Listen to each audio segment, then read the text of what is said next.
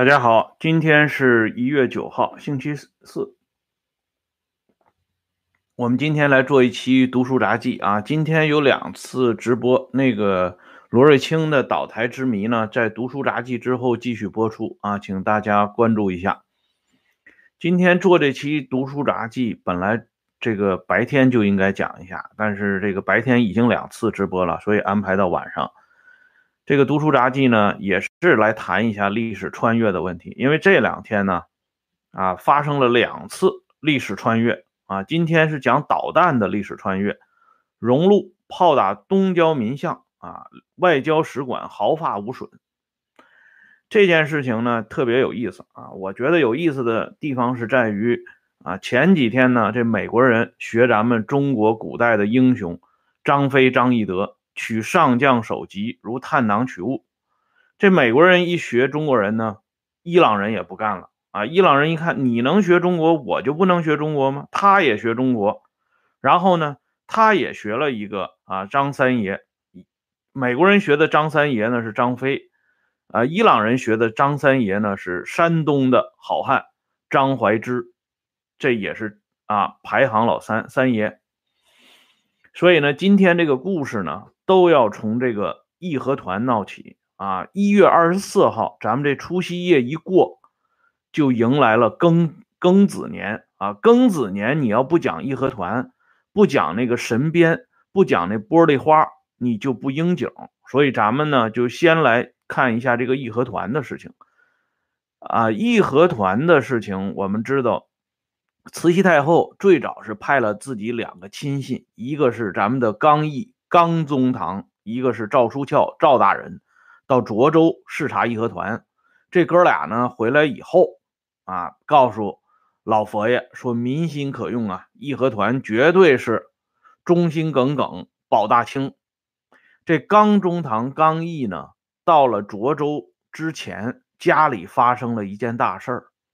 本来呢，啊这件大事是完全私人的，可是呢，对于刚中堂。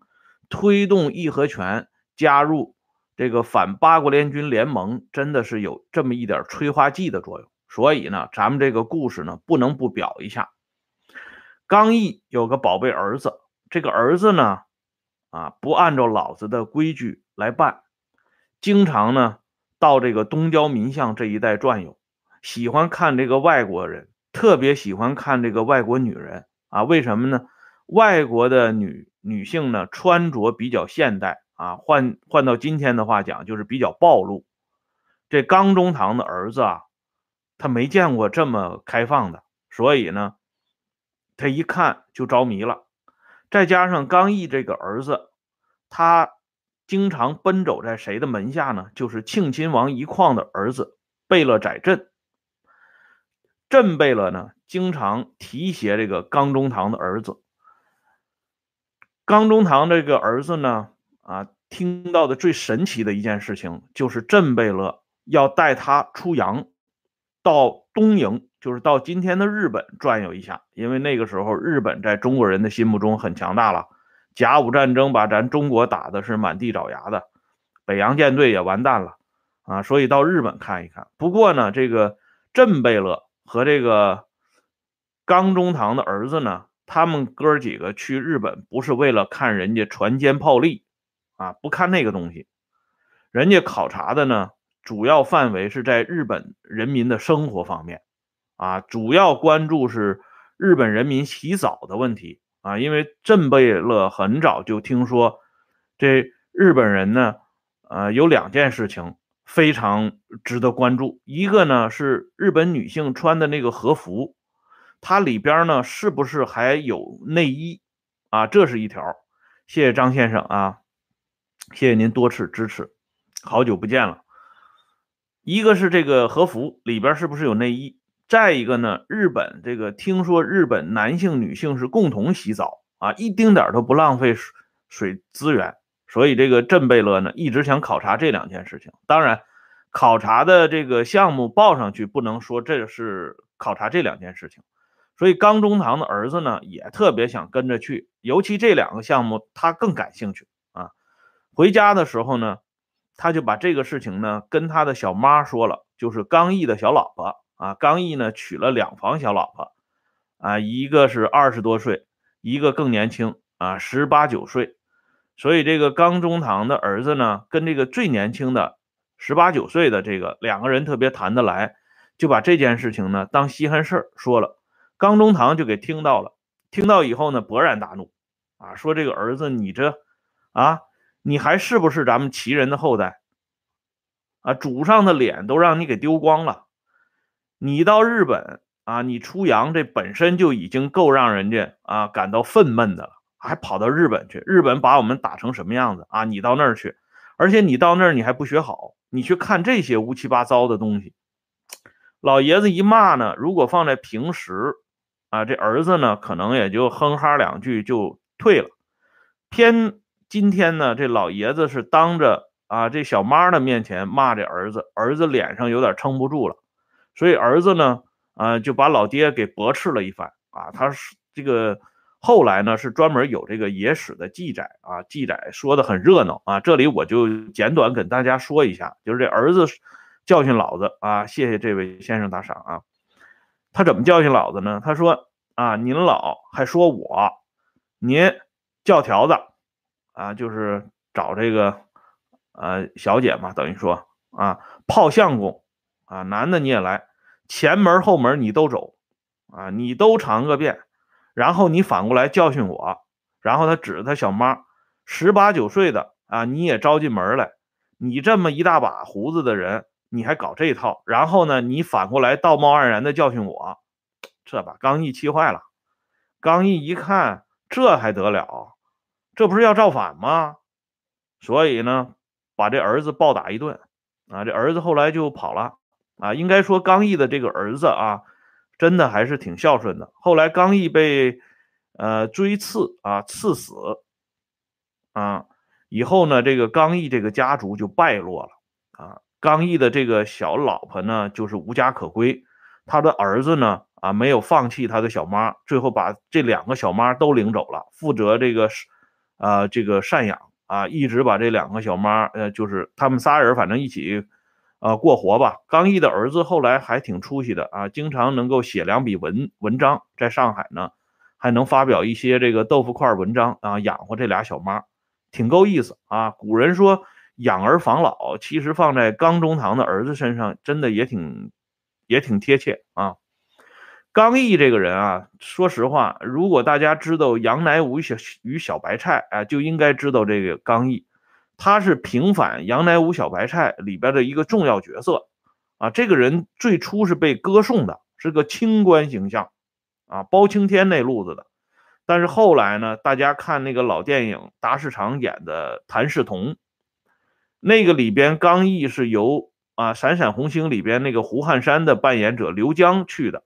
可见呢，呃，完全是个反面角色啊！而且刚毅确实也是扮演了不光彩的这么一个呃角色。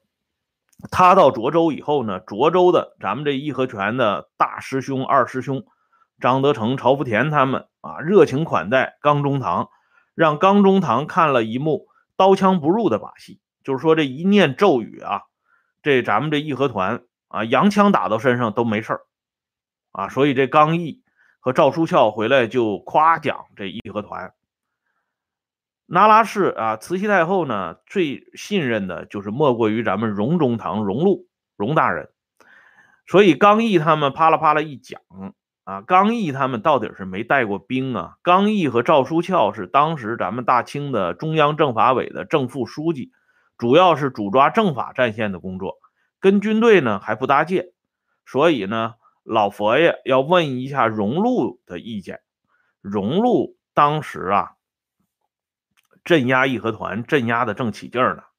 啊，要不是老佛爷给他叫停，那估计北京、天津一带的义和团就让荣大人给收拾干净了。啊，老佛爷说：“你看，人家刚毅、刚子良、赵书翘他们回来了，都说这个涿州的义和团民心可用，那么你也去看一下。”荣禄就不想去，但是老佛爷让去，那他就去了。啊，张德成他们呢，啊，照例也要给这个荣中堂表演一番这个刀枪不入的把戏。但是呢，他们早早就听到刚毅、赵书翘给递来的消息，说这位荣大人可不好伺候。为什么呢？这荣大人眼睛里不揉沙子。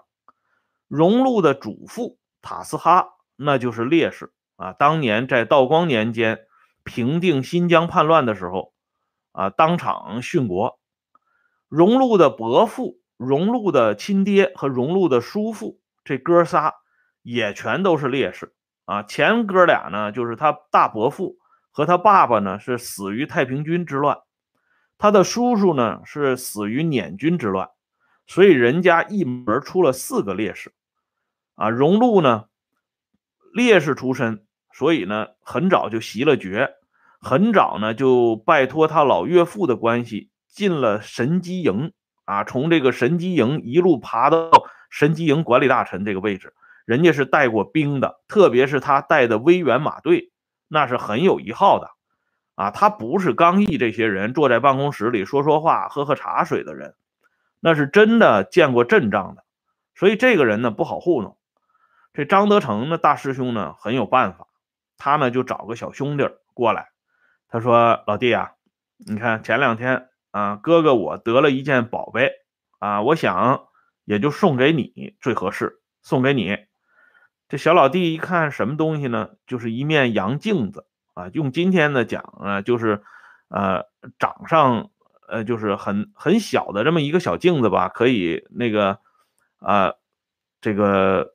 照一照脸呢，啊，照一照什么的啊，很小巧的这么一个小洋镜子，啊，张德成说这东西送给你啊，前几天咱们捡的洋烙，这小兄弟呢认为是大哥关照他，啊，然后呢，张德成还告诉他，你这小镜子你得揣好啊，贴身揣好，别让别人看见啊，别人看见人家要抢怎么办？说大哥不公道，这小老弟非常感动。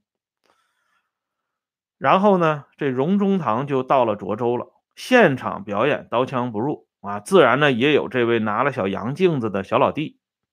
本来呢，他们以往啊，这个像刚毅和赵书翘他们表演的，那都是走走形式，哪能真有什么刀枪不入呢？但是今天呢，啊，张德成他们准备玩个小花活，你荣大人不是眼睛里不揉沙子吗？那我就给你看点真家伙，于是呢，就真刀真枪的干起来了。这一排枪打下去，这揣小洋镜子的小兄弟呢，自然就被打死了。这都撂倒了，全死了。这小兄弟就给打死了，这怎么办呢？这不不是刀枪不入了吗？人家张德成大师兄呢，有一番说法，说这个被打死的小兄弟。身上可能有玩意儿啊，收一收，啊，往身上一收，把这小羊镜子收出来了，然后他就跟这个荣中堂就讲了，说中堂，您看这刀枪不入的咒语为什么在他身上就不灵了呢？因为他身上揣了羊家伙，啊，这个刀枪不入的咒语一旦碰到这洋玩意儿，啊，他就容易失灵。他的本意呢是想告诉荣中堂。咱们这个咒语呢，咱们义和拳的这个咒语，不能跟这个洋人、跟这个二毛子沾一点边儿啊，完全是提纯的。可是他这么一整呢，啊，荣禄一看啊，荣禄就按照张德成大师兄的话又重复了一遍。然后荣禄说什么呢？啊，谢谢赵先生。荣禄说：“哦，感情是碰到洋玩意儿就不灵了，是吧？”这荣禄这话一说出来，张德成也琢磨过味儿了。啊，戏演的有点过了。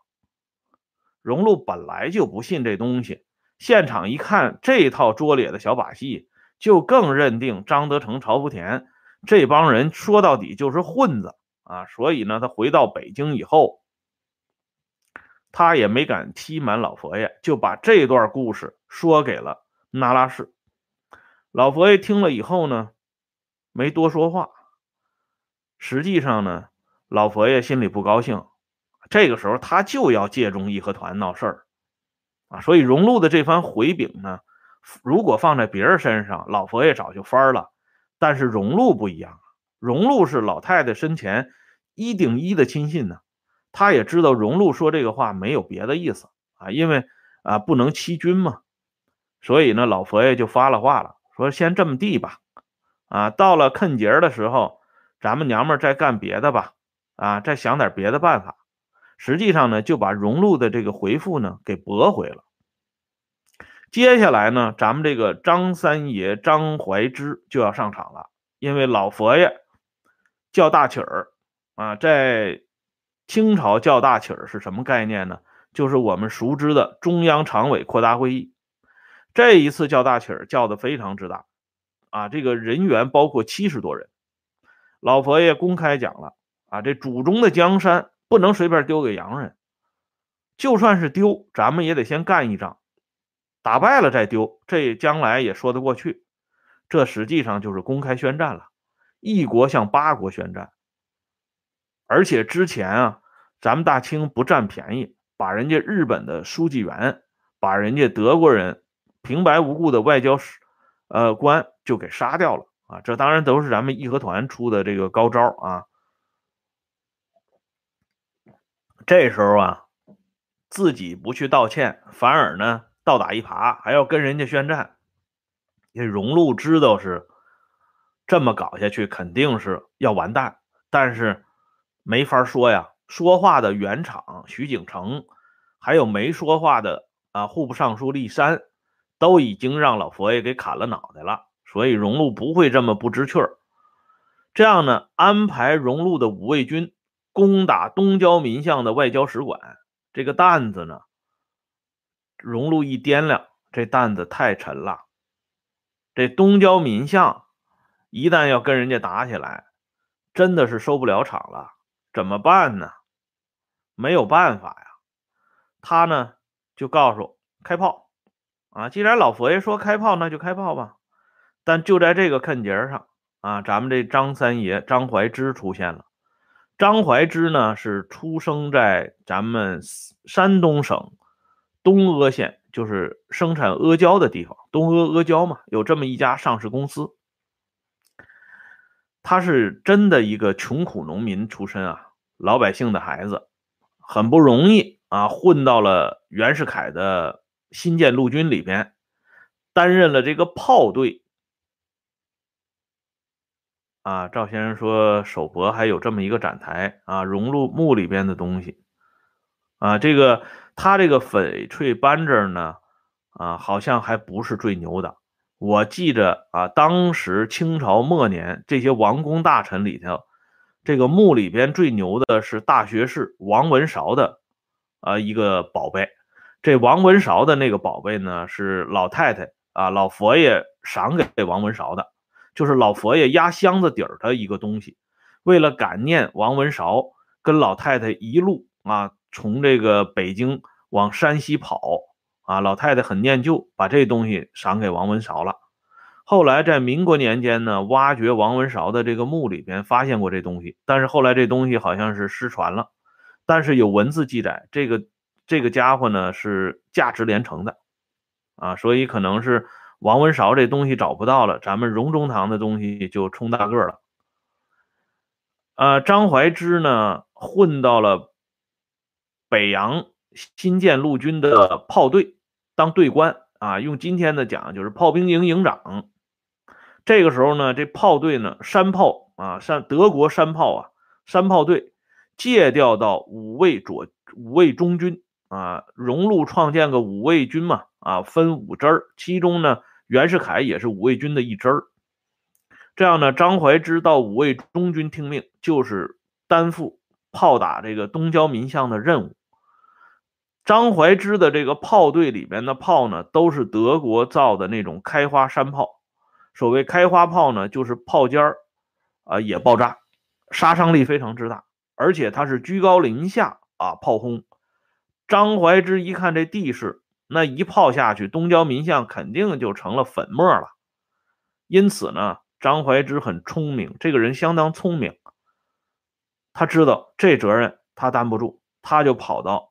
中堂大人那里请示下，说能不能有个纸条子，给我一纸命令？你没有命令，将来出了事儿，我怎么向上峰啊交代呢？那荣禄当然知道这一纸命令的重要性了。他能写这文字的东西吗？咱们叶群叶主任不说吗？千年的文字会说话呀，啊！然后我爱我家里边的富明老人不说吗？怎么能留文字的东西呢？那是不能留的。所以呢，荣大人就不同意。这张怀之一看你不同意，那我就不走啊，我就磨下去啊，我必须得有这么一个命令啊，没有这东西我没法跟上面交代呀，将来。这是保命的。荣禄一看呢，成僵局了，这也不好。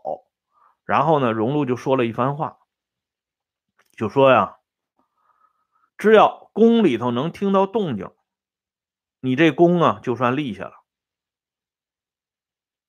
这话一说出来，张怀之就有数了啊，合着这炮只要听响就行。给谁听响啊？给老佛爷听响。给端王载一、庄亲王载勋啊，刚中堂、徐中堂、徐同这些人听响，好了，张怀之心里有数，张怀之手下的人心里就更有数了。专门选了一块空地啊，这通炮弹砸下去，这动静可大透了啊！宫里头直接就听到了，而且呢，炸了一天，把这东郊民巷里的洋人啊，确实吓够呛，但是呢，毫发无损。啊，这个高阳先生写的小说里边呢，说这炮弹呢还越过了清朝最关注的那个塘子啊，炸了很多啊，谢谢您打赏啊，炸了很多的民房。这个事儿呢，在当时历史上没记载啊。这个张怀之和荣中堂要手令的这个事儿啊，这是多方证实这件事应该是真的。最早呢是在李月瑞的《春兵士野胜》。啊，野圣就是野史的意思，但是叶昌炽呢，在他的日记第五册里边也提到张怀之和荣中堂的这段往事，可见这件事情呢是实打实的，而且呢也没有说炸伤平民的事儿。就张怀之玩的这手太漂亮了啊！这炸弹是真的啊，东郊民巷那空地儿也是真的，但是居然一个外国人都没伤到。老佛爷听了特别满意，最后传旨出来赏啊，不仅赏，还得叫停，说这炮弹打不少了，浪费啊，不行啊，啊留着点儿。啊，这荣中堂就更满意了，完全是按照荣中堂的意思走的。后来我们都知道啊，这个两方交战到最最凶的时候，荣禄专门派人。啊，准备了西瓜、水果、面粉这些慰问品，放在东郊民巷显眼的地方，啊，供外国人随时取自助餐嘛。啊，实际上荣禄就留了后手了。一国怎么能抗八国呢？随便人家八个国家里边拎出来一个，日本还是俄国人啊，还是其他的哪国人，咱们都打不过呀。现在人家八家一起打我们，我们哪有盟友啊？对不对？啊，你不像现在还有这个，啊，俄罗斯啊，还有朝鲜，这都是盟友。那时候朝鲜已经都没了，没有盟友，没法打。所以呢，荣禄，哎，就是对这个张怀之的做法特别满意，觉得张怀之做法跟他是正中下怀。哎，这个忽悠啊是万年不变的啊，所以呢，对张怀之这个人名就记下了。张怀之呢，从此发迹。他在清朝覆灭前夕呢，被保奏到甘肃甘肃提督，接了董福祥的位置。啊，武一品呢，这官做的真的挺大，而且呢，曾经一度还兼任过天津总兵。天津总兵类似于今天的天津警备区司令，所以这么个苦孩子，就因为这一通炮弹啊，解决了自己的政治问题。一跃而成为将军了。以后呢，进入到民国的时候，张怀之也是啊一路上升，做过山东的督军，他是山东人呐，做山东的督军和省长，那富贵还乡啊，夸官故里，这种荣耀一般人是拿不到的。以后呢，又做了北洋政府的参谋总长，啊，晚年呢生活也不错。在日本人打进来之前呢，张三爷就告别了人世。啊，走的也很清爽，留下了万贯家财啊！当然，最后都被咱们这个党呢给收了去了。从这个事儿呢，我们就可以看啊，这个伊朗人啊，完全是学的张怀之、张三爷啊，这个学的非常到位。人家美国人学张飞啊，这个伊朗人就学张怀之啊，所以呢，在今天白天啊，大家已经看到那个消息了啊，这是一通导弹，而且呢，美军毫无伤亡。哎，这个事情呢，应该说呢，还是咱们中国啊，最后成为最大的赢家，因为咱们中国历史上的这些事情，都让他们偷偷给学去了，然后呢，他们就在现实中就这么比划，啊，也不交学费，啊，说到底呢，还是咱们老祖宗，哎，最厉害，留下的这些文化瑰宝。啊，够这些外国人学多少年呢？因此呢，我们这种民族的啊自豪感又油然而生了。啊，这个连着两期啊都夸咱们中国了，所以以后啊，呃，大家不要说咱们这节目不夸祖国啊，这节目呢非常爱国啊，专门拿两期节目来讲爱国的话题，这已经很不容易了啊。好了，咱们今天这个导弹的穿越呢，就先说到这儿。啊，感谢朋友们的打赏，感谢朋友们上来观看。啊，过一会儿呢，我们回来继续来讲这罗瑞卿。谢谢大家，待会儿再见。